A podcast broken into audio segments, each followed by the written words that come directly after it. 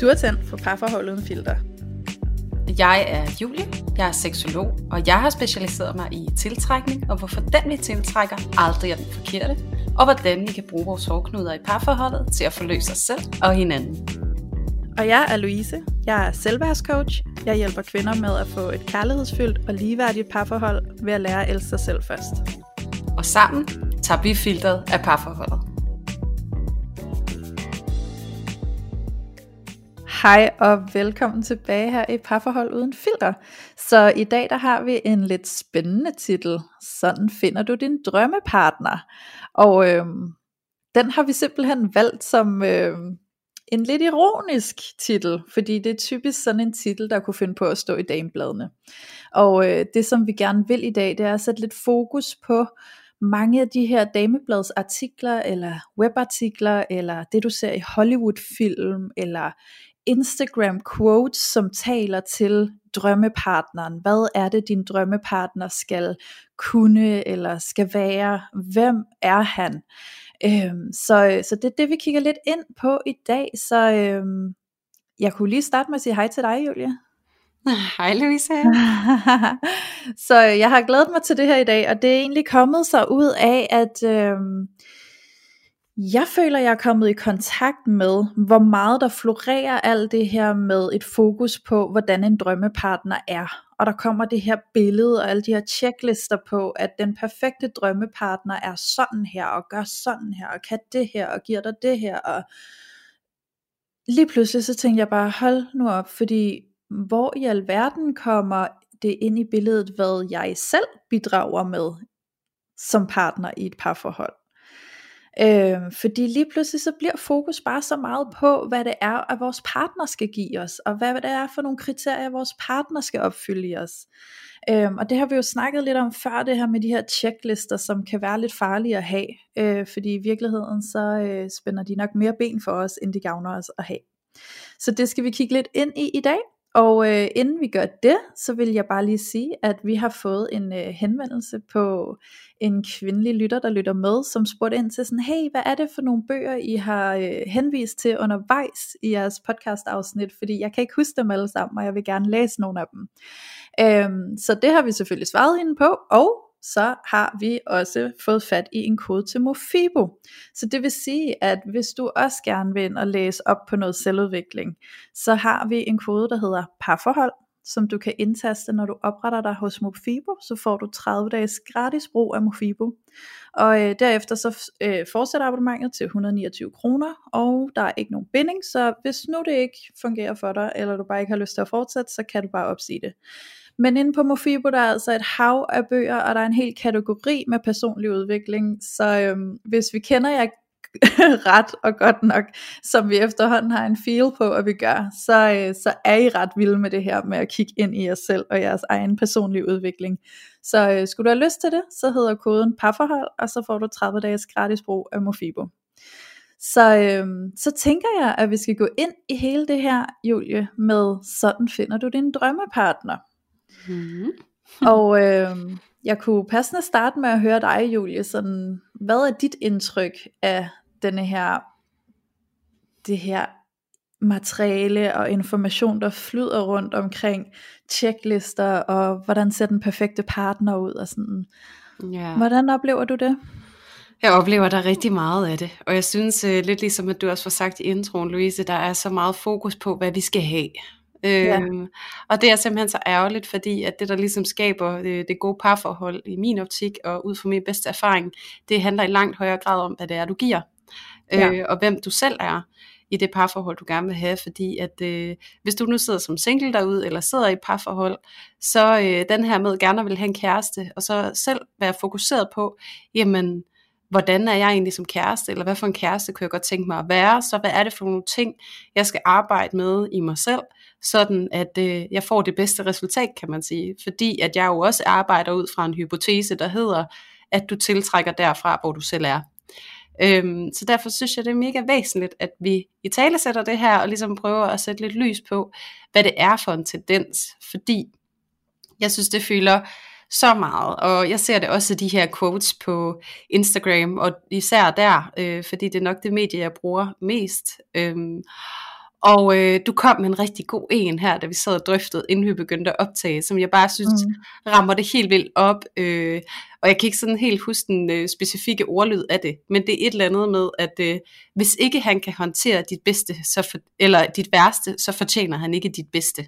Ja. Øhm, og det der med, at, øh, at, at vi bliver lidt blinde for det kæmpe store krav, som ligger i den sætning. Og samtidig så oplever jeg også, at vi er mange, der faktisk overser, jamen kan vi håndtere andres værste? Kan mm. vi rumme det? Og kan vi kun rumme det, når at det falder ind i noget, som er nemt for os at håndtere? Hvad hvis deres værste er noget, som kan være rigtig svært for os personligt at forholde os til? Kan vi ja. så stadig rumme det? Så de der quotes, det bliver bare sådan meget øh, nemt i min optik, og øh, ret svært at efterleve og øh, overhovedet at bruge til noget som helst. Så jeg mm. synes egentlig, mange af de der quotes, det er bare sådan en omgang skrald, som nærmest forvirrer os mere, end det gavner os, hvis vi faktisk er et sted, hvor vi drømmer om at, at skabe det parforhold, vi drømmer om, eller komme ud og finde den her i øh, gåseøjne drømmefyr eller kvinde, som vi går længes efter. Så derfor synes jeg, det er rigtig vigtigt, at vi snakker om det. Ja. Og jeg tror egentlig, altså udover Instagram, som jo er en af de åbenlyse, fordi der kører de her øh, quotes og memes bare og florerer helt vildt, så er jeg nok mere egentlig tilhænger af, øh, jeg ser en del af sådan nogle datingprogrammer, du ved, altså sådan noget øh, DR øh, fede forhold, eller øh, nu er jeg lige begyndt at prøve at se det der Singletown, øh, som er kommet inde på Dplay, Mm. Og så prøver jeg også at se Landmand søger kærlighed. Og øh, alle de her datingprogrammer, fordi at jeg synes, det her mainstream tv, det fortæller os noget ret interessant om, hvordan det er, øh, vi mennesker, vi spejler os, og hvad det er, vi har at spejle os i. Fordi at øh, de her programmer, der er så latterligt mange seertal, så det må også betyde lidt, at, øh, at der er sådan en hel masse, som sidder og lader sig, hvad kan man sige, influere af det her. Ja. Og, øh, og der ser jeg jo, at det er faktisk øh, mere normalt, at de her deltagere, de har en eller anden øh, forudsætning, eller jeg vil hellere sige, de har nogle idealer for, hvad den her partner, de gerne vil have, skal være for en. Mm. Øh, og nogle øh, af de her deltagere, især landmand søger kærlighed, synes jeg egentlig er ret fint, fordi ret mange af de her landmænd, øh, især de der lidt gamle gave af dem, de er sådan, hun skal sgu bare være sød og rar så finder ja. vi nok ud af resten, ikke? og, det, og jeg synes egentlig, det er meget forfriskende, fordi at vi er blevet sådan en øh, kultur, eller sådan en generation af meget øh, overfladeorienterede mennesker. Mm. Og det her med, at vi tror, at øh, ligesom at vi kan bestille nærmest alt over nettet og take away, og du kan få det ligesom du vil have det. Lidt på samme måde oplever jeg, at vi tror, det er med en partner. Ja. Øhm, og det er helt vildt foruroligende, og helt vildt interessant at snakke om, og ret væsentligt, fordi at øh, selvom at det sådan øjensynligt ser ud som om, okay, vi laver nogle filtre, vi kan lave nogle specifikke søgninger, øhm, så vi kan komme lidt nærmere det, som vi egentlig gerne vil have, og på den måde, så kan vi skille en hel masse fra, som vi så ikke behøver at orientere os imod. Sådan, det ser ud som om, at det har gjort det nemmere, men tværtimod er min oplevelse, at det faktisk har gjort det meget sværere for os at ja. mærke den her ægte øh, forbindelse, som sådan helt grundlæggende fundamentalt af det, vi mennesker vi længes efter, når det er, vi søger partnerskab. Det er ja. connection. Øhm, ja. Men så har vi puttet alt det her overflade ovenpå. Så jeg synes bare, det er møghamrende spændende, og jeg skal bare lige, øh, nu sidder det bare og lyder rigtig smart alt sammen, men jeg skal bare lige skynde mig at sige, at jeg er lige så slem i anførselstegn som mange andre. Jeg har skam også haft min checkliste, og, øh, og kan nogle gange tage mig selv i stadigvæk og have de der krav eller de der idealer, som jeg jo synes øh, bør efterleves for at at vi kan have det perfekte forhold, siger jeg nu, og så øh, med fire fingre op i luften som vipper, fint, ikke? Øhm, ja. så bare lige for at sige, at jeg, jeg øh, lever lige så meget i den her kultur, som alle mine andre medmennesker gør, så mm. jeg ser mig heller ikke fri for at blive påvirket af det. Og det tænker jeg også bare lige er noget, sådan, som er væsentligt at have med indover, ikke? Jo, absolut. Men vi er, vi er jo også mennesker, Julie, dig og mig. altså, så ja, det er også påvirket. Altså, ja, det er, jo... det er også det, vi vil med den her podcast. Ikke? Det er netop ja, ja. ligesom understrege, hey, hey, hey, vi er bare mennesker. Ikke? Det er fuldstændig uden filter. Ja. Men hvad med dig, Louise? Hvordan, øh, hvad tænker du om alt det her? Jamen altså, jeg synes jo, det er mega spændende, og det er jo derfor, vi bringer det op i dag, fordi jeg synes faktisk, det er lidt kritisk, for at være helt ærlig. Øhm, jeg synes, at det bliver, altså, så gik jeg på Google, og så skrev jeg øh, Drømmemanden. Og det første, der kommer op, det er sådan en øh, liste med 10 checkpointer, hvor at han skal være øh, romantisk, og han skal have humor, og han skal kunne være seriøs, og så skal han også kunne være i kontakt med sine følelser. Og, altså, der skal, øh, han skal også være alfa, han, ikke? og han skal være maskulin, og han skal have en god karriere, og han skal også være svigermors drøm, og han skal være en god... Hold nu op! Wow, lad nu manden være et menneske, han er jo ikke en eller anden robot.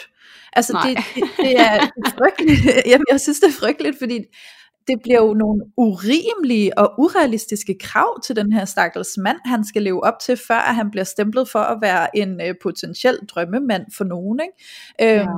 Og hvor kunne der blive sorteret meget fra, fordi hvis vi går igennem øh, altså de her punkter på sådan en checkliste, jamen hvor mange punkter må så ikke være opfyldt, før du øh, dismiss, ikke? Altså, og så kigger efter noget andet. Øhm, mm. Um, så jeg tror desværre også, det er en gateway, gateway til at gøre os selv meget ulykkelige. Fordi hvis vi har en idé om, at alle de her krav skal være opfyldt lige præcis efter den her liste, så tror jeg næsten, vi kan skrive under ned os på, at vi er okay med at blive lykkelige. Ikke? Fordi mm. jeg synes, at det desværre gør, at vi glemmer en hel masse nuancer, der er i det at være menneske. Og jeg tror desværre, at det skaber en mentalitet, der har fokus på, hvad skal jeg have? Hvad skal du give mig? Så nu ja. er jeg her, og jeg skal have en partner, der skal få mig til at føle mig elsket, og han skal kunne omfavne mig, han skal kunne øh, støtte mig i alt, hvad der er svært for mig, og en rigtig mand kan klare en øh, besværlig kvinde, og kan sætte hende på plads, og øh, alle de her idealer, der nu engang er blevet skabt. Øhm, så der kommer det her enormt store fokus på, hvad det er, vi skal have af vores partner. Men jeg synes, at i det fokus, når det bliver så stort, så glemmer vi, hvad vi også skal give til vores partner. Hvad er det mm. i virkeligheden, du selv bringer til bordet? Og husker du at tænke over det? Husker ja. du at tænke over, hvad er det egentlig, du selv leverer? Eller, eller ender vi med at blive så forvildet ind i det her, at vi kun kigger på, hvad han skal give os? Fordi det er jo der, jeg synes, det bliver kritisk. Øh, mm. Øh, fordi det, det er bare ikke, altså ærligt talt er det ikke fair. øh, Nej. og jeg synes jo egentlig også, at, at med den mentalitet gør vi jo også os selv til et offer over for at skulle have manden med den fulde pakke, så at sige. Ikke? Mm. Øh, fordi findes manden med den fulde pakke, hvis den fulde pakke den er så stringent sat op til at være de her karakterer, han skal rumme, er det overhovedet ja. realistisk, han rummer samtlige af de her karakterer? Rummer du dem? Ja. Altså har du dem selv? Kunne du selv være en checkliste, hvor du kan sidde og sige, ja, jeg er faktisk bare perfekt på alle de her områder? Mm. Næppe, tror jeg. Fordi det ja. ser jeg ikke som en del af at være et menneske. Så hvis vi gerne vil det ægte og den, den ægte kærlighed, så tror jeg simpelthen, at vi skal blive mere opmærksom på at stille os kritisk over for noget af alt det her, vi får stoppet i hovedet fra Hollywood-film, ja. hvor der bliver dannet det her perfekte billede af den her romantiske mand, og så kommer han lige der og, uh, og fylder dig ud og heler dig og alle de her ting, og alle de her Instagram quotes, altså det her med at sidde og scrolle, og så kommer der et quote, sådan, find a man who can do both, eller øh, som du sagde, Julie, find manden, som både kan tage dine mørke sider, eller så fortjener han ikke dine lyse sider, eller sådan alt mm. det der, ikke? Og så sidder vi der og liker i en uenighed, øh, uendelighed, uden måske at tænke over, hmm, så i hvilken kontekst, eller i forhold til hvad, eller er det overhovedet realistisk, eller hvad skal han så også kunne, og kan jeg selv det? Altså sådan, jeg tror vi glemmer at tænke på alle de der ting, og så sidder vi bare og liker, og i det øjeblik, at du liker, så sender du også din hjerne et signal om, at du stemmer i med det du liker på. Så du har lige mm. givet din hjerne besked om, yes, den her, den er jeg enig i, så det skal selvfølgelig være et kriterie.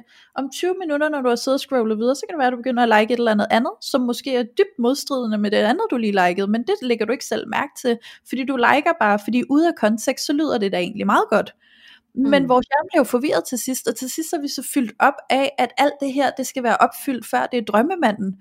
Mm, altså, kunne hjælpe mig, det bliver svært at finde ham så. Ja, Altså. det lyder meget vildt og komplekst, ikke? Men det jo. er det jo også, og det bliver det jo også. Og jeg vil bare lige sige som en, en, øh, lille opmærksomhed, også hvis lytterne de også lige blev påvirket af det, så faldt du lige ud et par gange, Louise. Øhm, lige i et par sekunder, men Ja. øh, det kan jo godt være, at de ikke gjorde, at, øh, at det kun var hos mig. Så det Ja. er bare lige, hvis der sidder nogle lytter derude, så bare lige så I ved, at vi godt er opmærksom på det, og at jeg håber, øh, at I får, fik pointen med. Ja. Øhm, Lad os fordi det. at Ja, fordi det er bare så væsentligt, det du siger, Louise. Og noget af det, Ja. som jeg også bliver optaget af, det er jo egentlig også, hvordan i det du siger, på et tidspunkt, så får du sagt ægte kærlighed, ikke? Hvad den her Mm. ægte kærlighed. Og den Ja. kan jo også blive idealiseret på en eller anden måde, hvor Mm. at den ægte kærlighed bliver idealiseret som en ikke idealiseret kærlighed, ikke? Så Ja. det der med, hvordan at vores idealer og vores forventninger, de ligesom bider sig selv i halen. Ja. Og jeg tror, at, at det lige præcis er tit, øh, de her idealer, de kommer til at stå imellem os, og det vi egentlig længes efter. Ja. Øhm, og jeg kunne rigtig godt tænke mig, øh, hvis det giver mening for dig nu, Louise, øh, lige at dele, øh, fordi at jeg har virkelig en øh, førstehånds erfaring med, hvordan at de her idealer, de bare kan stå som en øh, stor, fed øh, klippeblok lige foran det, øh, som vi egentlig gerne vil have, og vi kan egentlig Mhm. bare flytte det, øh, hvis det er det, vi vælger at gøre. Ikke tro kan flytte bjerge. Ja. Så øh, hvad siger du til det, at jeg prøver at hoppe lidt ned i det? Meget gerne. Lad os høre, Julia. Ja. Øhm, det kommer så egentlig af, at øh, jeg har jo øh, før det forhold, jeg er i nu, og det er der jo rigtig mange af jer, som har lyttet med i noget tid, som allerede godt ved, der var jeg i et rigtig langt parforhold. Og øh, sådan på papiret, så havde jeg jo en masse fine idealer og forventninger og krav i forhold til, hvad det var for en partner, min partner han skulle være. Mm. Og øh, min mand på det givende tidspunkt, han øh, levede virkelig op til rigtig mange af mine krav. Øhm, og mine meget øh, bevidste krav, de kom 100% øh, fra mit hoved, de fleste af dem. Og øh, på samme tid, så øh, var der jo også noget, der var svært for mig, fordi uanset hvor perfekt jeg synes det virkede eller så ud, så manglede der jo noget, øh, som kom et andet sted fra. Jeg kunne ikke mærke, at jeg var særlig connected med det, og det var jeg måske i starten, øh, og i nogle år inde i forholdet. Men stille og roligt, så blev jeg bare mere og mere disconnected. Øhm, og jeg tror egentlig rigtig meget, at det har, har med det at gøre, at jeg havde idealiseret ham helt vildt. Mm. Fordi den her partner, ham mødte jeg faktisk allerede i en meget ung alder. Jeg var øh, blot 14 år første gang, vi traf hinanden. Og han endte også med at øh, være min øh, første rigtige kæreste. Mhm. Øh, og så ved mange af jer nok godt, hvad jeg mener med det. Men øh, bare for at være meget eksplicit, så var han den første, jeg havde sex med nogensinde. Og øh, det skabte noget helt særligt for mig. Det skabte øh, virkelig et øh, ideal for, at øh, den mand, jeg skulle være sammen med, det skulle være lige præcis ligesom ham her. Mm. Og øh, det er også bare lige sådan, for lige at slå det fast, det er tit det, der sker for mange af os. Det er faktisk, at vi idealiserer vores første gang øh, helt underbevidst, fordi at der ligesom kommer noget genkendelighed og noget tryghed i det første møde med noget, vi ikke har mødt før, øh, Ja. som vi gerne vil have med videre. Ikke? Mm. Og øh, det kan selvfølgelig variere, og det er jo ikke noget, der gør sig gældende for lige præcis alle, men i rigtig mange tilfælde, så kan man altså se, at det her, det går igen. Så jeg havde lavet det her billede af, øh, hvem han skulle være, og det var helt og aldeles baseret på, øh, på den her øh, fyr, jeg mødte dengang. Og skæbnen ville det jo så, at vi skulle mødes igen, og vi endte med, som I jo allerede ved, at blive kærester, og vi blev også gift, og vi fik også barn. Øhm, og jeg har faktisk øh, i mange år gået og skældt ham ud for, at jeg troede, at han var mere forelsket i ideen om mig, end at han egentlig var forelsket i mig. Mm. Og til jer, som har lyttet lidt med, og måske været med på øh, vores afsnit om øh, skygger, så ved I måske allerede godt nu, at øh, jeg er i gang med en kæmpe projicering lige der. Øh, fordi at jeg jo elskede ideen om ham. Jeg havde idealiseret ham fuldstændig, og bare tænkt, at, øh, at det var bare helt perfekt, så længe det bare var ham. Og Mm. egentlig øh, lavet alle mine krav og kriterier, dem havde jeg ligesom øh, digtet ud fra, hvordan jeg oplevede ham. Og øh, så var der jo det her dilemma, jeg stod i, som jeg gerne vil vende tilbage til, hvor at jeg jo havde den perfekte mand egentlig. Og øh, jeg kan stadig se på ham i dag og tænke om ham, at jeg synes jo, han er helt fantastisk. Og på mange måder helt perfekt. Øh, fordi han havde nogle af de her krav, hvor jeg siger, at han skal være good looking og god med børn og ambitiøs og sjov og kærlig og omsorgsfuld. Og jeg havde sådan en hel liste, og det her det er bare nogle af punkterne. Og han lever til dags dato stadig op til alle de her krav. Men det, som jeg ikke forstod dengang, det var, at den her connection, som jo dybest set var det, jeg længtes efter, som jeg også ja. øh, sagde i min, min første talerunde, det er jo connection. Øhm, og connection, den kommer, som mange af jer også allerede ved, ikke fra vores bevidsthed, den kommer faktisk fra vores ubevidste. Øhm, så derfor så slog jeg jo mig selv skakmat, fordi at jeg havde skabt det her forhold ud fra alle mine idealer. Mm. Og, øh, men jeg manglede bare noget. Jeg manglede den der connection. Jeg manglede den der forbundethed. Og jeg kunne simpelthen ikke forstå, hvad det var, der var galt. Så sådan kan det også ende, når det er, vi laver alle de her idealer eller forståelser af, hvordan tingene skal se ud. Og vi bliver så frustrerede og ulykkelige, fordi vi står og føler os dybt disconnected, og vi ikke kan se sammenhængen mellem, hvorfor har jeg det dog sådan, når jeg kan se, at det er, som jeg gerne vil have, det skal være. Ja. Og stille og roligt i de her forhold alligevel, så finder vi også ting og punkter og, og problemstillinger, som vi ikke bryder os om, men, men stadigvæk så har vi en hel del, som vi kan krydse af på listen. Ja. Og så vil jeg gerne øh, lige supplere det op med, hvordan det endte. Mm. Fordi at øh, så var der det her store bjerg foran mig, som jeg refererede til lige før, øh, hvor at alle mine idealer de stod på, og op på toppen af det bjerg, der stod øh, min eksmand. Og, øh, og han var bare pedestaliseret, fordi han var simpelthen idealet for, for den rigtige mand for mig. Øhm, og det som jeg ligesom overså der, det var jo, at det var ikke min tanke, der kunne generere det her forhold, jeg gik og længtes efter. Og øhm, det sjove er, at øh, den mand, som er min kæreste i dag, han var faktisk min bedste ven i øh, fem år. Og øh, han var min gamle kollega, som jeg mødte, da jeg var allerede 18 år gammel. Og øh, selvom at jeg har kendt ham i så lang tid, så havde jeg nærmest ikke øh, overhovedet overvejet et eneste sekund, om han var min type, fordi at jeg kunne kigge ned på min liste af idealer, og han udfyldte absolut ingen af dem, ud fra min mm. optik. Han var ja. slet ikke øh, den der drømmepartner, som jeg gik og fantaserede om, jeg skulle have. Og hvis du kigger på ham, og så øh, mine andre kærester, så vil du næsten, du vil slet ikke kunne forstå, at, øh, at jeg har været sammen med dem, fordi at de er simpelthen så vidt forskellige. Mm. Øhm, men jeg har aldrig følt mig så øh, connected før, som jeg gør nu. Jeg har aldrig følt mig så meget i stand til at holde af et menneske, øh, selvom at de ikke er perfekte eller altid i balance, som jeg gør nu. Og øh, det er egentlig bare, jeg synes bare, det er min egen historie, jeg synes, den er så fint et eksempel på, hvordan at det kan gå lige under snotten på dig, men du aner det ikke, og du ser det ikke, fordi du er så travlt optaget med, hvad det er, du skal have, og hvad er det, du mm. forestiller dig, det er, du skal have, at du slet ikke ser det, der er lige foran dig, som at det, du egentlig har brug for, og ja. det, du dybest set længes efter. Så det er også det der, altså budskabet er jo at, at tage lidt ud af alle de her øh, tanketorsk og, øh, og, og, og idéer og forståelser af, hvordan det rigtige det ser ud, for at kunne være nærværende, og så faktisk få øje på det, der i virkeligheden tjener os godt. Mm. Øhm, ja, det var bare sådan en lille romance history. ja.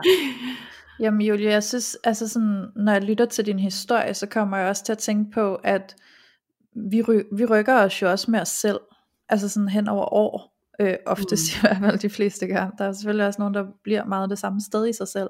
Men ja. hvis, nu tænker jeg, at mange af jer, der lytter med, I er her jo, fordi I synes, det er spændende at dykke ind i jer selv, og prøve at forstå jer selv, og udvikle jer selv, øhm, ligesom Julia og jeg gør, og, og når man har fokus på det, så kommer vi jo nægteligt til at rykke os i vores liv, og det betyder jo også, at i takt med, at vi udvikler os selv, så ændrer vores øh, prioriteringer så også, eller hvad man skal sige, ikke? Altså sådan, mm. så, så det vi tiltrækker bliver jo også noget andet, end det var for fem år siden eksempelvis. Øhm, og så synes jeg, der er noget rigtig fint i det der med at, øh, at finde sammen med en, du ikke havde regnet med at finde sammen med. Mm. Det der med, når, når, når kærligheden opstår øh, med en person, hvor du tænker, den havde jeg ikke set komme. Det, det, det, det kunne jeg aldrig have regnet mig til det her, fordi det var jo noget helt andet, jeg i virkeligheden kiggede efter. Ja. Men jeg må overgive mig til, at jeg kan mærke, at jeg er dybt tiltrykket her, og der sker noget, der er en connection, og så til sidst mm. så sidder du tilbage med det, og tænker, ej, hvor er det vildt, at det er her, jeg er nu, og det havde jeg ikke selv troet. Ikke? Så, så det er også det der med, at nogle gange så tror vi, at vi ved super meget om os selv, eller vi ved præcis, hvad det er, vi skal have, og så ved vi det faktisk slet ikke. Nej, øhm, så, så det er ret interessant. Øhm, og så tænker jeg, nu, nu taler vi jo meget om det her, og alle de her artikler, de her quotes, og alt det der, der svømmer rundt derude, og Hollywood-film, altså, oh my god, Hollywood-film er jo en, er jo en kæmpe, øh, I går så en sønder i alt det her, ikke? fordi de forstår ja. virkelig at male et billede af drømmemanden, eller drømmepartneren, der bare mm-hmm. øh, ikke findes ude i den virkelige verden, ikke? Øhm, så jeg kunne godt tænke mig sådan, i, altså når vi nu taler om det på den her måde, i for, altså det lyder jo næsten sådan, som hvis du skal til at finde en partner, ikke? men det her gør sig altså også gældende, når du allerede er i et parforhold. Mm. Øhm, fordi det, det kan jeg 100% godt øh, komme ind omkring nogle historier med, øh, eller i hvert fald tabe ind i, fordi jeg har været i parforhold, og været influeret af alt det der. Alle de der artikler på, hvordan er, er den rigtige drømmemand, eller hvordan øh, alt muligt gøjl, ikke? og så de her quotes på Instagram og sådan noget, ikke? og så har jeg jo siddet, ja. mens jeg har læst det, så har jeg siddet og tænkt, øhm, sådan er min mand ikke, det der, det er jo ikke min kæreste, sådan gør han ikke, og så begynder jeg jo at sidde midt i mit parforhold, og faktisk øh, sætte så meget fokus på alt det her, og måske endda opsøge mere sådan artikelværk omkring alt det her, og i virkeligheden afholder du dig selv fra at blive tilfreds i det du er i, fordi du fjerner dit fokus fra, hvem han er, og hvad han har, og hvad der allerede er rart, til hvad han mangler, og hvad han ikke har, og hvad, hvad der nu står på den her liste for at være den ultimative drømmepartner. Ikke? Mm. Så du kan jo i virkeligheden skyde dig selv i foden, hvis du er i et parforhold, og du tillader dig selv at blive draget imod alle de her artikler og checklister på, hvad din kæreste nu engang skal opfylde og skal være for at være svigermors drøm og den bedste kæreste og alt muligt andet. Og så kan vi jo sidde og finde huller i osten, ikke? Ja. Øhm, og så er det, vi kan komme ind i alt det der græsset og grønnere på den anden side, og sidde og sukke efter sådan, ej, bare min kæreste var sådan, eller bare han var noget mere sådan, og så hver gang han gør det modsatte af det, så sidder du og tænker, øh, nu gør han det der, ej, bare han var sådan en, der kunne sætte sig ned og tale om følelser, det kan han jo overhovedet ikke, og ej, det kan Charlotte sikkert over i nummer 14, hendes mand kan godt, bare det var mig, der var sammen med ham, eller havde en, der ja. var lidt ligesom ham, og sådan, ikke? altså så kan vi blive ved, fordi så kan vi netop begynde at sidde og finde huller i os, og drømme om, at græsset er grønnere på den anden side, og gøre os selv ulykkelige, og blive dybt utilfredse, og faktisk slet, slet ikke få øje på, hvor mit ansvar i det her? Hvad er det, hvad er det jeg også skal bidrage med her? Og hvad er det, mm. jeg også skal huske, vi skal bygge op sammen?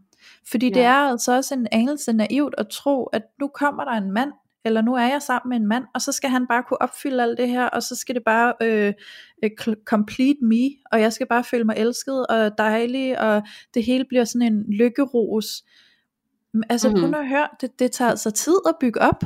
Det er altså to mennesker, der mødes, der skal bygge noget op sammen. Vi skal bygge det der sammen. Og ja. det skal der altså to til. Det er ikke noget, vi får foræret af et andet menneske. Øhm, så så jeg, altså jeg har i hvert fald selv været skyldig i at have været i et, i et eller flere parforhold, hvor jeg har siddet og sukket efter, at min partner ikke var alt det, der stod i alle de her artikler, eller nogle af tingene i hvert fald. Ikke? Og den værste, det var næsten at lave sådan en test. Er du sammen med den rigtige mand? Og så sidde og teste oh. og, og krydse af, sådan, gør han det, og gør han det, og gør han det, nej det gør han ikke, nej det gør han ikke, og så sidder man der, og så lige pludselig vokser der så den her alvorlige tvivl på, om du faktisk er sammen med den rigtige, eller om der nu er en anden derude, der er bedre for dig, som opfylder alle de her, hvor du kunne sætte kryds i alt det her, ikke? Ja. Øhm, og lige pludselig så bliver du jo altså du bliver jo virkelig et offer for det, altså, og, og det er jo derfor, at jeg ikke kan lade være med at cater lidt til, lad os nu få lidt fokus på, hvad det gør ved os det her. Ja. Og hvordan vi kan stille os øh, kritiske over for det, eller i hvert fald være yderst opmærksom på, hvordan vi, lader det, hvordan vi lukker det ind i os. Ikke? Ja. Ja. Ja, og der er jo mange måder at gøre sig selv fortvivlet på, ikke? Altså i det ja. her spænd af, af forskellige idealer for, hvordan det bliver godt og rigtigt. Ja. Øh, der er jo også mange, jeg sidder sådan og kommer til at tænke på mange, der bruger sådan stjernetegn, og det er jo også noget, der florerer mm. rigtig meget i det her damebladets univers, ikke? Jo. Øh, sådan, at de her stjernetegn passer sammen, og dem her passer i hvert fald ikke sammen, og... Øh, og jeg skal så bare lige hilse at sige i den forbindelse, at jeg er sammen med, jeg er selv fisk, og jeg er sammen med en jomfru, og øh, til de af jer, som ved lidt om astrologi allerede, så er vi altså øh, meant not to be. Øh, ja. altså det er absolut den værste sammensætning af, af stjernetegn overhovedet, ja. øh, for mit vedkommende, og, øh, og det, det har altså absolut intet på sig. Mm. Øhm, så det der med at så stille os kritisk for de her øh, målestokke og metoder og test og sådan noget, som vi også kan rende ind i derude, og øh, også bare lige igen en kado til det kære enneagram, fordi der er det sådan, når at øh, man tager to typer op mod hinanden, så mm. har de alle sammen styrkepunkter, og de har også ting, de kan arbejde med, som kan blive udfordrende. Og der er ikke noget, der er mere eller mindre slemt. Der er ikke noget, der øh, er forbudt, eller øh, som er perfekt der er bare udvikling, og der er bare ja. opmærksomhedspunkter, så hvis du endelig skal begynde at klassificere, hvem du selv er, hvem din partner er, og om I potentielt passer sammen, så vil jeg næsten øh, anbefale at så gøre det i det fora i stedet for, fordi at øh, hvis man nu har behov for at skulle have et eller andet assurance udefra, fordi man måske arbejder med noget, og når vi arbejder med noget, så kan vi godt føle os usikre på, om det vi er i, det er rigtigt, fordi alt bliver nogle gange kastet op til overvejelse, og der bliver sat spørgsmålstegn ved det hele, hvis vi ikke står stærkt i os selv. Så hvis du har brug for et eller andet at støtte dig op af, så for guds skyld kig den vej i stedet for.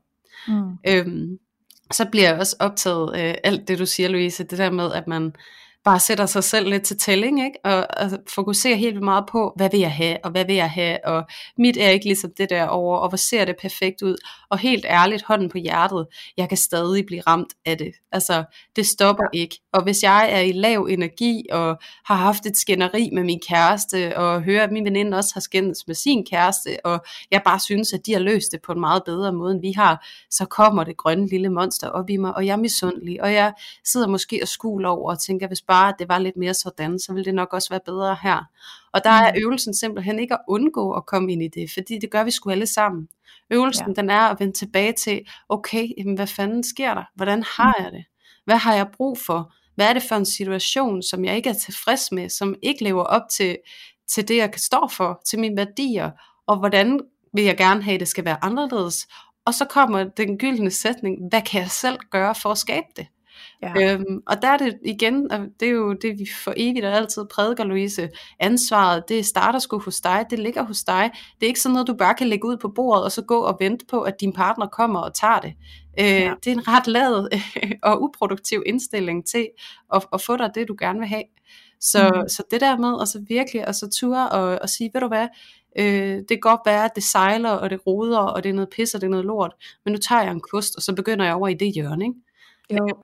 Så det der med at finde ud af, hvad er det for en måde, du kan være på, eller noget, som du kan gøre, eller bidrage med, eller integrere i jeres samliv, eller mm. i dit eget liv, for at blive den udgave af dig selv, som, som du gerne vil være, og skabe ja. det, du gerne vil have. Ja, Der har jeg også en historie. ja. Hvis I vil have den. Ja da, så vil vi jo ja. Okay, jeg gør det kort, fordi jeg kan godt mærke, at jeg, jeg bliver mere passioneret omkring det her, jeg regner med. det var fedt. jeg føler bare, at jeg sidder og ranter helt vildt. Vi får ondt i ørerne og tænker, er hun ikke snart færdig? Så vil jeg berolige jer ved at sige, I får lige den her lille historie, for at gøre det lidt mere relaterbart, og så kan jeg sætte ja. telefonen videre. Okay. Ja. Men, det er fordi, at som nogen af jer også ved, som har lyttet med, så har jeg jo det evige dilemma omkring øh, sex og seksualitet, og øh, jeg har tidligere i mit liv været øh, selverklæret aseksuel. Øhm, og det her med sex, det er øh, noget, som øh, kræver en hel masse arbejde for mit vedkommende. Og jeg har brugt rigtig meget energi og tid på at være rigtig vred over, at øh, min partner havde lyst, og det er ikke kun min nuværende partner, det har også været tidlige partnere, jeg er blevet vred på deres lyst, og blevet vred på mig selv, og slået mig selv i hovedet over, at jeg ikke følte, jeg kunne levere, eller præstere. Jeg var ikke spændende nok, jeg var ikke dygtig nok, jeg var ikke kreativ nok, jeg var ikke, øh, jeg var ikke øh, begærlig nok. Øhm, der var alt muligt, som jeg kunne dømme mig selv for ikke at være nok af. Øhm, og så kan jeg jo sidde og blive rigtig frustreret, og så kan jeg jo sagtens begynde øh, at kigge over til mine veninder og sige, hvorfor er det, det bare fungerer for dem og ikke for mig. Og hvis bare det var lidt mere sådan her hos mig, ligesom deres kæreste gør, så kunne det være, at jeg også havde lyst. Og på samme måde er der sikkert nogen, der kigger over til mig og tænker tilsvarende tanker. Mm. Øhm, og det er jo der, hvor jeg kan vælge at sætte mig øh, med armene over kors, og så tænke, ved du hvad, nu er min kæreste være lidt mere, øh, hvad kan man sige, øh, opmærksom på at prøve at connecte med mig, sådan at jeg kan få lyst til sex. Fordi at han kan ikke bare brokse over, at vi ikke har sex, når han ikke selv gør noget. Mm. Det er jo totalt meget offerrolle, ikke? Og ja. Det er der, hvor man sådan ligesom sætter idealerne op for, at han burde bare være sådan her, så skulle det jo nok gå alt sammen. Mm. Men det går altså ikke. Så det jeg vælger at gøre, det er, at jeg er sådan, okay, jamen jeg ved faktisk ikke nødvendigvis, hvad løsningen er. Jeg ved ikke nødvendigvis, hvad svaret er, og jeg ved ikke, hvordan det her det kommer til at ende. Men det jeg kan starte med at gøre, det er simpelthen bare at sætte ord på, tage ansvar for min følelse, hvordan jeg har det, hvad, hvad, hvad for en rolle jeg kan se, jeg spiller i det her, der, der, der sker lige nu, eller ikke sker lige nu. Ja. Og så stå ved det. Ja. Så jeg gik til min kæreste, og så sagde jeg, ved du hvad, jeg ved ikke om det er fordi, at vi har haft travlt, eller hvad det er, der har rørt sig, eller hvad det er, der er på spil, fordi jeg har slet ikke undersøgt det med dig.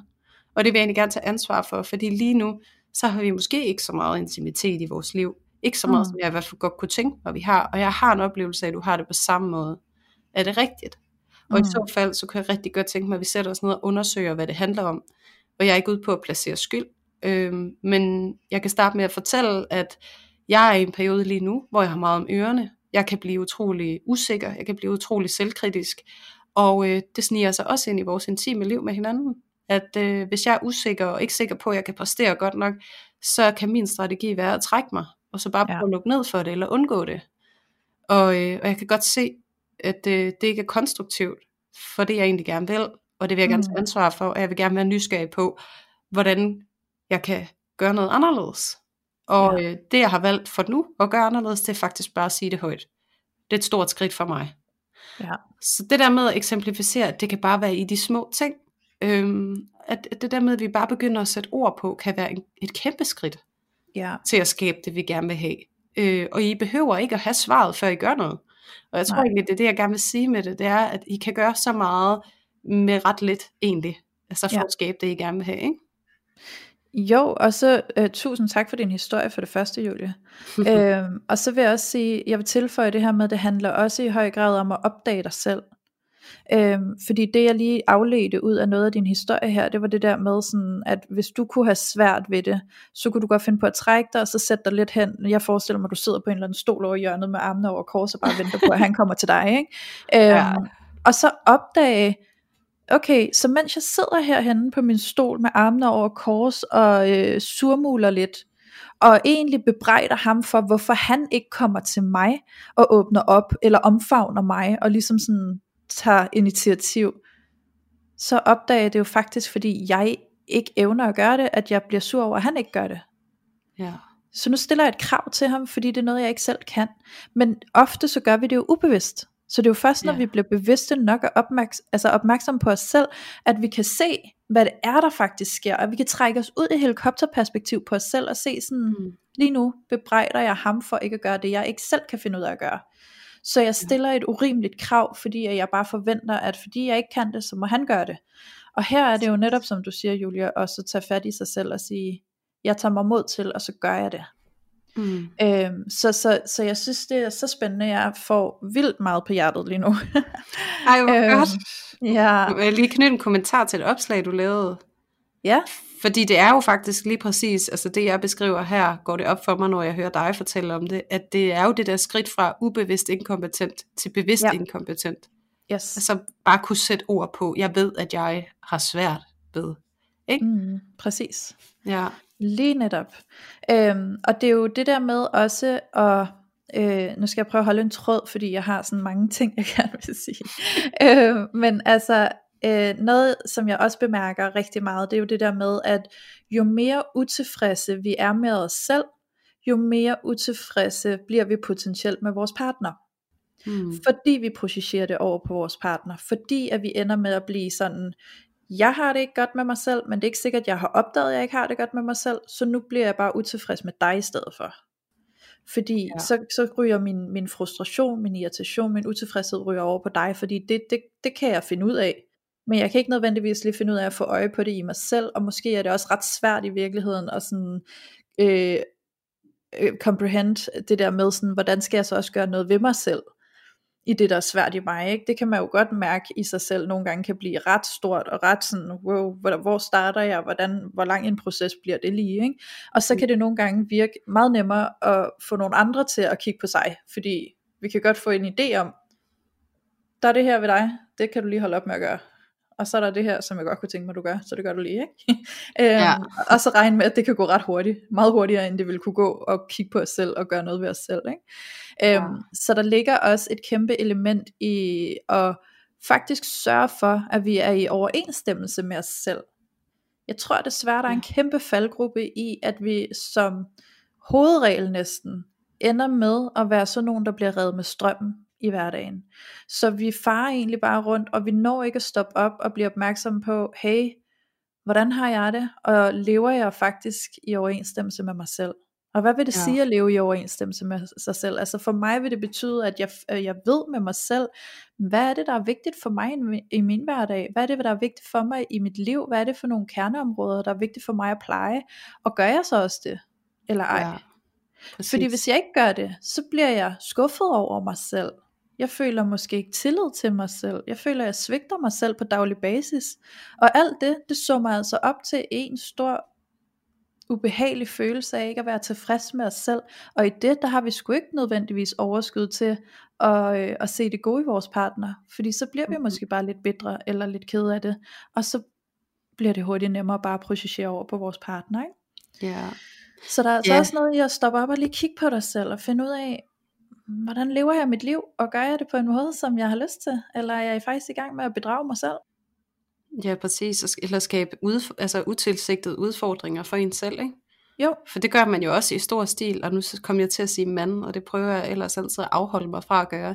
Øh, ja. Jeg, ja. jeg kan også se, at, at bare i det der, ikke? jeg kan jo dømme min kæreste for for eksempel at øh, være selvoptaget, og at han ikke altid tænker mig, eller min søn, eller familieliv mm. ind i hverdagen, og hvad der skal ske, og alt det ja. her, og så kan jeg blive vred på ham over den der egenrådighed, og den der frihed, og så kan jeg jo egentlig få øje på, at det er en kæmpe stor misundelse, og ja. et behov, jeg undertrykker helt vildt meget hos mig selv, og i stedet ja. for netop at tage ansvar, så er det bare totalt meget nemmere, og så bare se sig vred på sin partner, eller sine venner, eller what not, det kan være hvem som helst, ikke?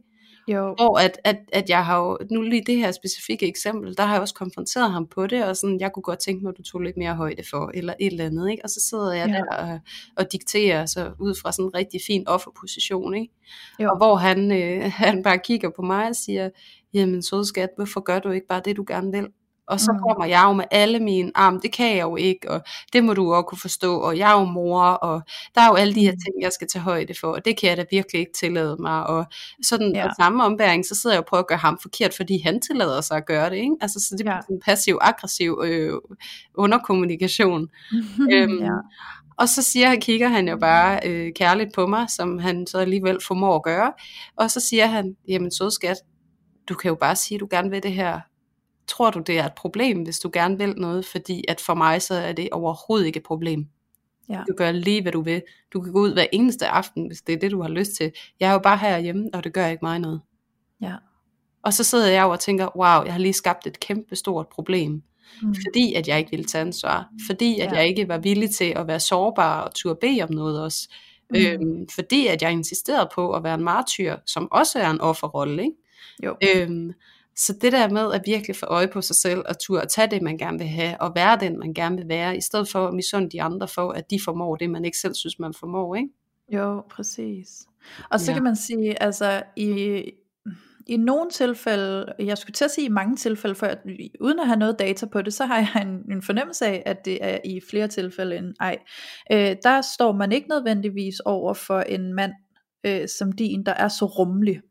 Nej. som kan kigge så kærligt på en og sige, men sød skat, du kan da bare gøre det. Øh, så vil man måske i højere grad opleve at møde en konfrontation, fordi det bliver sådan en, nå, altså så, altså så går man sådan lidt i konflikt med hinanden, ikke? fordi så rammer man noget i hinanden, og hvis ikke at modparten er rummelig og kan se, hvad der faktisk foregår, så reagerer de jo også ubevidst på det, du så sætter i gang, og så bliver øh, dramaet endnu større. Ikke? Ja. Øh, så så ja, det, altså, der, der må vi jo være vores egen forgænger, eller hvad man skal sige, ikke? Altså vi må starte med at tage øh, lederskab i os selv. Ja, præcis. Øhm, og så, øh, så fik jeg lige lyst til at backtracke lidt til noget, du sagde tidligere, Julie. Mm. Fordi du kom meget ind på det her med at blive puttet i kasser og lave hele det her check-system på, om vi passer sammen, og så sådan noget med at sidde og kigge på øh, stjernetegn eller alt muligt, og så sidde sådan og måske faktisk begynde at bruge det til noget og sige, nå nej, så er vi ikke de gode for hinanden, fordi det siger stjernetegn ja. og sådan noget. Ikke? Så, øhm, og, og der har jeg jo, altså nu sagde du, I er fisk og jomfru, og vi er fisk og løve, og det er ikke mindst lige så øh, forkert ifølge stjernetegnene, at vi så overhovedet er sammen. Ikke? Ja. Øhm, men og hertil får jeg bare lige lyst til at knytte en kommentar i det der med os nogle gange at se, jamen den der store forskel, der er på os, det, det er faktisk ret fint, fordi hold nu op, hvor kan vi lære meget af hinanden, hvis vi vil. Så vi kan jo vælge at bruge de der øh, forskelle i hinanden, som en måde at udvikle os på, og som en måde at lære noget af hinanden, eller vi kan bruge det som et fokus på øh, forkerthed. Ikke? Så det er ja. jo op til os selv. Det er jo hvor vi vælger at lægge vores fokus. Ikke? Men Præcis. for lige at komme tilbage til det der tjeksystem på, om vi passer sammen, der synes jeg også bare, at det er farligt, fordi vi kan hurtigt blive meget blinde, hvis vi bare sidder og kigger i kategorier, eller sidder og kigger overordnet, eller kigger på artikler og læser og checklister, og så ud fra det vurderer med vores tankevirksomhed, hvorvidt om vi passer sammen eller ej. Ja. Øhm, det her med at Kom ud af din tanke, fordi du kan ikke tænke dig til, om I er rigtige for hinanden. Du kan ikke tænke dig til, om I passer sammen. Det kan mm-hmm. du mærke, og det kan du føle. Ja. Så, så prøv lige at komme ned i din krop et øjeblik og mærke efter, fordi vi kan virkelig blive forvildet, når vi lader vores øh, tanker overtage, og det bliver alt for rationelt, øh, ra- altså rationelt baseret vores vurdering på, om vi nu ja. engang passer sammen. Ikke? Der vil jeg bare mhm. appellere til at komme meget mere ned i kroppen, og tillade sådan hele dit kropssystem og dit følelsessystem at fortælle dig nogle ting. Fordi ja. på, på, på papiret kan det godt se helt skørt ud og helt forkert ud, men i følelsen kan jeg bare mærke, at det er det rigtige. Ikke? Og Præcis. omvendt set, så kan vi jo have et papir, hvor det hele ser rigtigt ud, men i følelsen så er det helt skørt. Det er ikke rart. Jeg kan mærke, at det ikke er rigtigt for mig, men, men jeg kan ikke sætte en finger på det, fordi på papiret ser det jo perfekt ud, så hvad skal jeg gøre ved det? Øhm, så jeg synes også, der kan komme sådan en, ud af alle de her damebladsartikler og checklister og The Perfect Man og alt det her, så kan der også bare komme sådan en undertone af, at der findes the one and only right one for you. Mm. Altså den her eneste soulmate, som findes for dig, som du skal ud og finde. Og øhm, det tror jeg ikke på. Det er helt personligt. Det tror jeg ikke på. Jeg tror ikke på, at der er en, der er rigtig for os. Jeg tror på, at der er rigtig mange, der er rigtig for os. Øhm, og det synes jeg egentlig også er en rar fortrøstning i det der med at huske sig selv på, hvis man nu oplever en usikkerhed, eller godt kan gå og have den her frygt for at blive forladt, og så ikke være sammen med den mand, som man troede skulle være den eneste ene, eller måske sidder man med en frygt for at gå videre, om den eneste ene er derude, og jeg er sammen med den forkerte, eller sådan et eller andet andet, og så overgive dig til, prøv at høre, der er ikke en eneste ene. Nej. Der er mange, der er rigtige for dig. Så, ja. så overgiv dig lige til det. Øh, for, for, for pillet den der markat af, der hedder, at der er den eneste ene, som du skal ramme jackpot med i livet. Ikke? Øh, for det kan man sige, det er jo også altså noget af det, der kan være med til, at vi laver de her idealer, alle de her kasser, og skal sørge for at få tjekket alle vores punkter af. Ikke? Det er fordi, at det, det der, at you got one shot. Altså, ja. det der med, at du skal ikke skyde forkert, fordi at øh, vedkommende kunne altså risikere at blive øh, medforældre, og I kunne øh, stifte gæld sammen og få et hus, eller hvad det nu mm. er, man har lyst til som menneske at etablere i sit liv. Ikke? Ja, Men det præcis. der med, det bliver sådan alt eller intet, og, og som vi også har snakket om i tidligere afsnit, Louise, som du også lidt er inde på nu, det er det her med, at, at der er forskellige mennesker, som kan være rigtige for os øh, i forskellige perioder af vores liv, fordi vi ændrer ja. os hele livet. Og ja. øh, hvis jeg får øh, en kraftsygdom i morgen og skal igennem et vildt kraftforløb og det ene og det andet, så er jeg nok ikke den samme på den anden side, og så kan det også godt være i sådan nogle tilfælde, at den partner vi er sammen med, heller ikke længere øh, resonere med den vi er. Så det der med, mm. at der kan ske nogle skift i livet, og det samme, det her med at blive forældre, det er også en kæmpe omvæltning. Og der er nogle par, som bare øh, følges rigtig godt ad i det, og ja. finder øh, harmonien, og hvad kan man sige, melodien i det her med at, at gå fra kærester til forældre, og det ene og det andet. Og så er der også bare nogen, der ikke gør. Ja. Så den her alt eller intet tænkning, som gør, at vi er, føler os nødsaget til at blive så skide specifikke. Det er bare mm. altså den, jeg tænker, som var så væsentligt at komme til livs, fordi at det er jo bare en erkendelse, at der er nogle mennesker, som er lærermestre for os. Ja. Hvis det bliver sagt i et andet afsnit, ikke? Altså der er jo. nogen, der er her for, at, at der er en side af dig selv, som du måske er klar til at give slip på, og så, mm. så er det videre. Præcis. Og det er okay.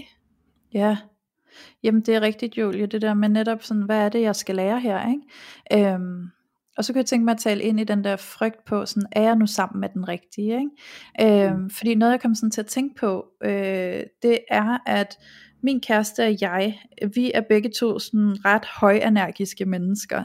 Øh, vi er også begge to sådan henholdsvis følsomme og sensitive, øh, så på den måde så er vi faktisk to personer, der begge to fylder ret meget.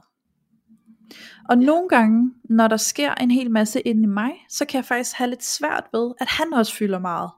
Fordi det er sådan lidt svært for mig at finde overskud til både, at jeg selv fylder meget, og at han fylder meget. Fordi så kan, mm. der, så kan jeg føle sådan en, hvor er der plads til mig, hvis du skal fylde meget, ikke? Øh, og han bliver måske tilsvarende frustreret, fordi jeg kan ikke rumme, at du lige fylder meget, når jeg skal fylde meget, eller sådan, ikke? Ja. Og, så, og så kan det ligesom blive noget, og så kan jeg jo, så kan jeg jo fange mig selv i at sidde og tænke sådan, åh, oh, det er hårdt, at han fylder så meget, og øh, så, så kunne det jo tendere, det, det gør jeg sådan set ikke, men det kunne jeg jo sagtens have fundet på øh, før i tiden, så kunne jeg godt have sat mig ned og tænkt sådan, åh, oh, hvis bare han ikke fyldte så meget, så ville det være bedre.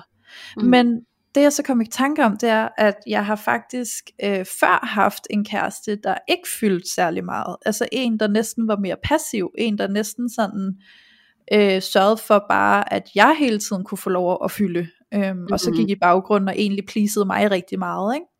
Og det kunne jeg ikke holde ud. Jeg kunne Nej. simpelthen ikke holde ud at være i det, at han ikke fyldte noget, fordi jeg manglede det her klassiske, i går så en modspil, for der var ikke noget at spille sammen med her, det blev for passivt, og jeg blev irriteret, og så begyndte jeg jo egentlig også at blive lidt nederen over for ham, fordi så begyndte jeg at bebrejde ham for det, ikke? Øhm, så det er interessant at tage dig selv i at tænke, okay, så nu er du et sted med en, der faktisk giver modspil, og en, der faktisk fylder noget, og en, der faktisk sådan har noget at, at komme i karakter med, eller hvad man skal sige, ikke? Mm hvorfor er det nu også galt? Ikke? Altså, så, så det ja. det der med nogle gange at kigge på, at vi hele tiden, altså krøller eller ej, ikke? altså den der sådan, har du krøller, vil du have glat hår, vil du ja. have glat hår, vil du have krøller, og sådan, ikke? altså sådan, ja. prøv nu lige at ground dig selv, og så se sådan, hey, det, det er ikke forkert, at, at han fylder meget. Det er bare fordi, vi begge to fylder meget, og vi skal også bare lige finde vores balance i at fylde meget begge to. Øhm, og hvad kan vi i virkeligheden lære hinanden? Hvordan kan vi støtte hinanden? Hvordan kan vi øh, gøre det bedste ud af, når vi så også begge to er i en periode, hvor der er noget, der fylder meget i os hver især. Ikke? Ja.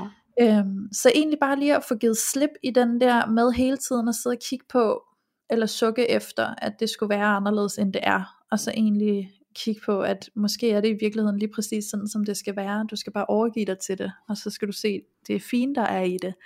Ja, Ja. ja, og så tror jeg egentlig, altså noget af det, som jeg godt kunne tænke mig at hæfte mig ved i, i det her afsnit især, det er den der med, at kærlighed, det får du altså ikke på, øh, på opskrift på den måde. Altså der er ikke ja. den perfekte kærlighedshistorie, eller den perfekte partner. Sådan en ting, eller sådan et, et fænomen, det eksisterer faktisk ikke. Nej. Øhm, og på den måde, så kan din checkliste ikke være der særlig behjælpelig. Men øh, tværtimod, så vil jeg appellere til, at du arbejder virkelig på kontakten til dig selv og ja. lære dig selv at kende, og lære din mavefornemmelse og din intuition at kende, og det kan godt lyde mega fluffy, ikke? Mm. Nu, øh, jeg kom med et eksempel med min tidligere kæreste og min nuværende kæreste, og du øh, ridsede det også igen op, øh, Louise, det her med, at det kan føles godt, men man tænker ikke som sådan, at det nødvendigvis er godt, ikke? Og ja. omvendt. Og jeg kan bare mærke, øh, som en, der selv har været igennem det, at øh, jeg kan tydeligt mærke nu, at, øh, at jeg har en mavefornemmelse, og jeg har fået kontakt til den, og det forhold, jeg er i nu, hvis, øh, da jeg startede, øh, da jeg, min øh, kammerat i sin tid kom og erklærede sin kærlighed til mig, mm. så øh, kendte jeg ham jo, fordi han var min ven, og jeg så kiggede på ham, og så tænkte jeg, jamen du er jo på ingen måde min type, eller det, som jeg troede, jeg skulle være sammen med. Altså, du falder fuldstændig uden for kategori. Altså, selvom ja. at jeg holdt utrolig meget af ham. Ja. Og selvom han endda erklærede sin kærlighed til mig, så afviste jeg ham jo blankt. Mm. Øh, og så alligevel, så kunne jeg ikke ignorere den mavefornemmelse, jeg havde, for der var en mavefornemmelse, der fortalte mig, ah, det er faktisk rart det her. Ja. Det her, det føles godt. Det her, det føles helt roligt. Det føles bare rigtigt. Og, og som jeg sagde til mine veninder, jeg kan simpelthen ikke fortælle jer, hvorfor jeg går ind i det her, fordi at på papiret er det helt forkert, men det føles mm. bare rigtigt.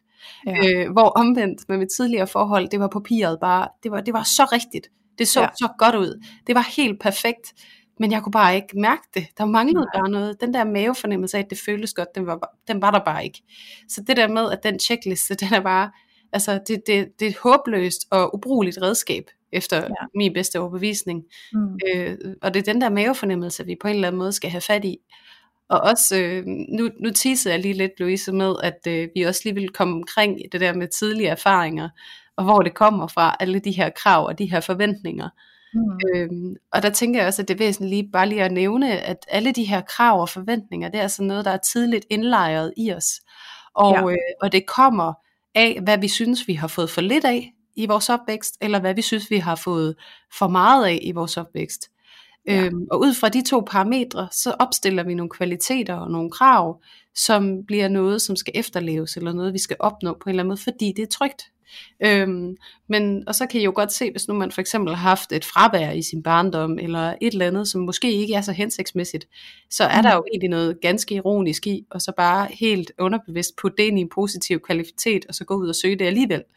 Ja. Så det der med, at, at jeres, I må godt skyde jeres krav til hjørne, og så, øh, og så prøve ligesom at følge jer ind i jeres kærlighedsliv på en anden måde. Mm. Ja. ja. Og jeg tænker faktisk, Julie, når du sidder og siger det der, så jeg får lige sådan en, øh, hvis du skal have en checkliste, så have en checkliste til dig selv. Altså ja. om dig selv, ikke? Hvem vil jeg være? Hvad er det for en energi, jeg godt vil bringe her til verden, og ind i det, jeg er i, i de relationer, jeg er i. Hvem er det, jeg vil være? Hvem vil jeg stå for at være? Hvor, Præcis. Hvad har jeg brug for at være, for at fylde mig selv op? Fordi den checkliste, vil jeg sige, det er en fornuftig checkliste at have, fordi du fokuserer på dig selv, og du fokuserer på at fylde dig selv op. Og når du fylder dig selv op, så kommer du også til at tiltrække dig efter.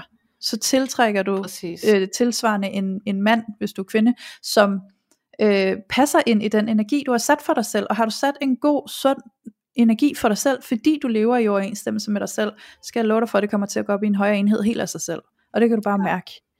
Øhm, og så, og så en, en sidste ting, jeg bare rigtig gerne vil have med, det er det der med at tale tilbage, det der med, hvis vi sidder og sukker efter sådan, åh, oh, min mand han gør ikke det, eller sådan et eller andet, ikke? Øhm, jeg fik sådan en tanke med, hvis man har været i et skænderi, eller en konflikt med sin kæreste, og man så sidder og tænker, ej, altså ham der Peter over fra øh, øh, den anden afdeling, eller sådan et eller andet ude på arbejdet, ham vil jeg sikkert ikke have nogen konflikter med.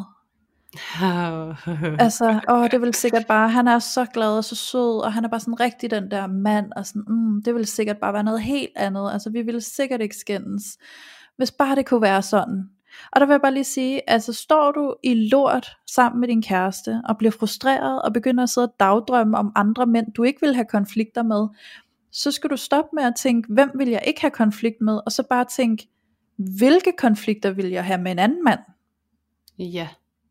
Fordi det er ikke et, et, det er ikke et mål om, hvem vil jeg ikke have konflikt med. Det er ikke realistisk. Så prøv lige at stoppe dig selv, og så tænk i stedet for, okay, så hvis ikke den mand, jeg er sammen med nu, hvilke konflikter vil jeg så have med en anden mand?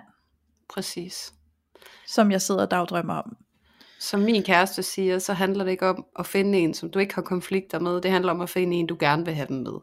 Ja. Øhm, fordi de er alle steder. Og Netop. de vil, øh, omhandler noget forskelligt, øh, ja. alt efter hvem du er sammen med, men det ændrer ikke på, at de ikke vil være der. Og nogle gange, så kan vi blive utrolig overrasket over, øh, hvad der egentlig sker, når vi laver et skift fra en partner til en anden, og så nogle ja. gange kan vi endda komme til at længes efter øh, det, som vi gik fra, fordi at det alligevel var nogle konflikter, vi følte, der var lidt mere håndgribelige. Mm. Øhm, så det der med, at det, øj, det er så vigtigt, du siger det, Louise, fordi jeg tror virkelig bare, at det er sådan en, øh, der er pisse nem at hoppe ned i, når man sidder ja. og har sat sig rigtig godt tilpas i offerrollen, og har øh, valgt, at afmagt, det er den eneste løsning på mine problemer, og jeg må nok hellere gå ud og gøre noget radikalt for at ændre det. Ja. Øh, så det er altså bare så vigtigt, at man får det her at vide, fordi ja. at du kan gøre rigtig meget. Og ja. du skal huske, at alle de konflikter, du har med din partner, du har 50% af ansvaret. Det ja. er ikke udelukkende din partner, der er forkert, eller udelukkende dig, der er forkert. Det er simpelthen noget, I skaber sammen. Øh, og I kan ligeledes løse det sammen. Og det er også bare for at referere tilbage til den kære Jytte Vigelsø. Der er altså både en forløser og en krænker til stede i jeres relation. Så ja. der er øh, det krænkende aspekt, fordi det skal der være. Eller også så var I ja. to ikke sammen. Men der er tilsvarende det forløsende aspekt, og det kræver altså bare en ordentlig portion ansvar Øh, ja. det, det, det kræver bestemt ikke offerrolle, fordi at så, så får du bare mere af det samme, indtil du gider at tage dig af det. For det er ikke et spørgsmål om, du, du, skal, altså, du skal tage dig af det. Fordi det kommer du til, fordi du får mm. det puttet op i dit ansigt, lige indtil du gør det. Så du ja. kan lige så godt komme i gang. ja, så man kunne i virkeligheden sige, at tager du dig selv i at sidde og dagdrømme om, hvem der ellers ville have været mega fantastisk, så skal du nok anerkende, at du måske er gået ind i din offerrolle, og at det ikke er der, du finder en konstruktiv løsning på det. Præcis, og så lige for at vende tilbage til det quote der det på, på Instagram, ikke? Ja. altså hvis du ikke kan finde ud af at rumme og elske de mørke sider i din partner, hvordan mm. fanden kan du så forvente, at han eller hun skal gøre det samme for dig? Ja. Øhm, fordi at øh, det der, hvor at, øh, det der mytiske øh, fænomen, vi kalder ubetinget kærlighed, det, det kommer yes. i spil. Ja. Det er faktisk der, hvor du formår at finde kærlighed øh, rettet til din partner i de svære situationer. Når din partner ja. er aller værst og allermindst tilgængelig og allermest presset, og du stadig mm. kan mærke kærligheden, så øh, kan du godt klappe dig selv på skulderen, fordi at, så har du faktisk fat i noget af det rigtige. Og, ja. og så vil det andet, øh, så vil det også at manifestere sig rettet mod dig. Altså, for det mm. går sgu begge veje. Når vi kan elske hinanden, det, det smitter. Men jeg ser det egentlig også som øh, det her quote med, at han skal kunne rumme min mørke side og alt det her. I virkeligheden kommer jeg også i kontakt med, at jeg nok har et ret stort problem med selv at rumme det i mig selv. Så jeg har svært ved at rumme mig selv, og jeg har svært ved sådan helt at, at altså sådan hele mig på nogle af de traumer og sår, jeg har i mig, så jeg har en idé om, at det er der nok nogen udefra, der kan gøre for mig, når nu jeg ikke selv kan. Præcis. Ja, ja, præcis. Og det der med, hvis du ikke selv gider at have det, hvorfor, gider, hvorfor forventer du så, at andre gider, ikke? ja. Du er, ja. altså, du er nødt til selv at, det er du ja. nødt til selv at tage hånd om det der. Har du lyst til at være kærester med dig selv? Ja, Ja. Vi slutter den lige af med at quote øh, BS. yes. Ej, hvad var det? Vil, ja. vil du være gift med dig selv? ja, vil du være gift med dig selv? Han, og, man kan, øh... og man kan mene meget om ham, ikke? Men altså, det, det, det er alligevel faktisk et ret fint spørgsmål. ja, så øhm, ja, og apropos Jytte Vikkelsøs bog der med øh, sådan, eller hvordan er det nu den er? Du forelsker dig aldrig den forkerte. Ja, derfor forelsker du dig aldrig den forkerte. Yes, præcis. Så hvis I sidder derude og tænker, at den skal I lige have fingrene i, så er den faktisk tilgængelig inde på Mofibo. Så øh, hvis I gerne vil have 30 dages gratis brug inde på Mofibo, så er vores kode parforhold. Og yes. øh, koden kan I bruge frem til den 15. oktober. Ja, og så, øh, øh og så er vi faktisk så heldige, at øh, man plejer normalt kun at få 14 dage, men øh, som Louise siger, så er vi så heldige, at vi har fået 30. Så ja. øh, hvis du har lidt travlt, og synes du ikke lige kan få øh, kværnet den på 14 dage, så øh, har du heldigvis 30 til at gøre det. Så øh, ja. Der var I heldige. Og man kan, jo, man kan jo både læse den som e-bog, man kan også lytte til den, og jeg har jo faktisk ikke lyttet til super mange lydbøger, men jeg har øh, for nyligt lyttet til noget lydbog, og fundet ud af, ja. hvor effektivt det faktisk er, at jeg kan lytte den meget hurtigere, end jeg kan læse den. Ja, øhm, og, jeg kan lige godt... op i hastighed. Sådan, ja, det er faktisk ret smart. Ja. ja, og så kan jeg jo gå tur og lytte til lydbog, ligesom jeg går tur og lytter til podcast, så det, ja. det er lifehack det der. det er mega nice. Ja. ja og jeg, jeg har lyttet til, derfor forelsker du dig aldrig den forkerte, og jeg, altså nogle gange så er der jo også noget med, hvem er det der indtaler den og sådan noget. Men ja. øh, jeg vil sige, at den er, den er rigtig, rigtig fin og rar at lytte til, så, så der er en god oplæser på, så altså jeg vil virkelig sige, at den er et lyt værd, også fordi rigtig mange af de ting, vi snakker om, Louise, der øh, giver den altså bare god mening, og der er så mange fine historier og eksempler fra, fra par, som har nogle problemstillinger, som vi skulle alle sammen kan tabe ind i. Og, og noget af det, som vi også prøver med den her podcast, og noget, som er så sindssygt vigtigt, det er at tage filteret af parforholdet, og få øje på, at vi har alle sammen de her udfordringer. Det er ikke mm. perfekt. Drømmepartneren ja. findes ikke. Den perfekte partner findes ikke. Det perfekte parforhold er et mytisk legende, men vi kan satme skabe noget, der måske næsten er endnu bedre end det, hvis vi er villige til at tage det hele med. Altså, ja. det er ikke kun det, det gode, det er det gode med det dårlige, altså på ja. godt og ondt, ikke? Ja, og det er jo lidt det, man kommer til at lære, når man læser den bog, fordi hun så fint gør opmærksom på netop, hvad det er, der sker, når vi møder en, og hvad sker der egentlig, når vi har konflikter sammen, og hvorfor er det ikke nødvendigvis dårligt? Øh, hvorfor er det nødvendigvis i virkeligheden en gave? Så der er altså yeah. noget godt stof at dykke ned i, hvis, øh, hvis du kan mærke, at du sidder derude og tænker, at øh, du rigtig gerne vil nørde lidt videre med det selv. Ja, og hun er altså rigtig dygtig, øh, anerkendt socialpsykolog, så, og har lavet rigtig, rigtig meget research på det her, så, så der er altså noget god, fin empiri og data bag Ja. hendes øh, anskuelser, og det synes jeg er jo ret fint at tage med også.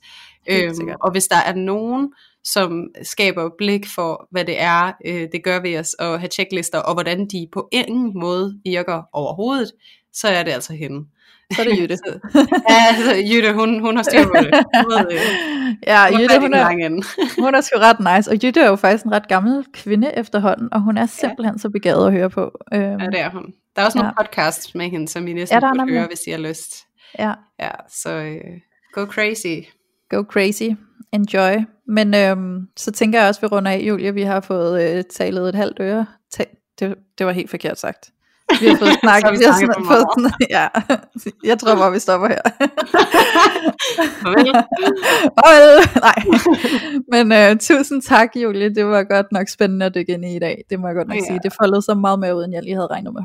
Ja, det virkelig også. Ja, jeg er Ja. også øh, positivt overrasket, men det bare så fedt. Ja. Og øh, ja, fyr den af, også øh, i vores indbakke med øh, nye øh, potentielle emner eller koncepter, eller øh, nu har vi jo øh, lavet mulighed for, at man kunne skrive nogle dilemmaer ind i vores øh, loge, og Mm. det er der også en del af jer, der har gjort. Det er så mange, at vi simpelthen har været nødt til at, at lukke af for, for, øh, for indsendinger af, af jeres beretninger, øh, fordi vi jo skal prøve at få lavet nogle lydfiler på det.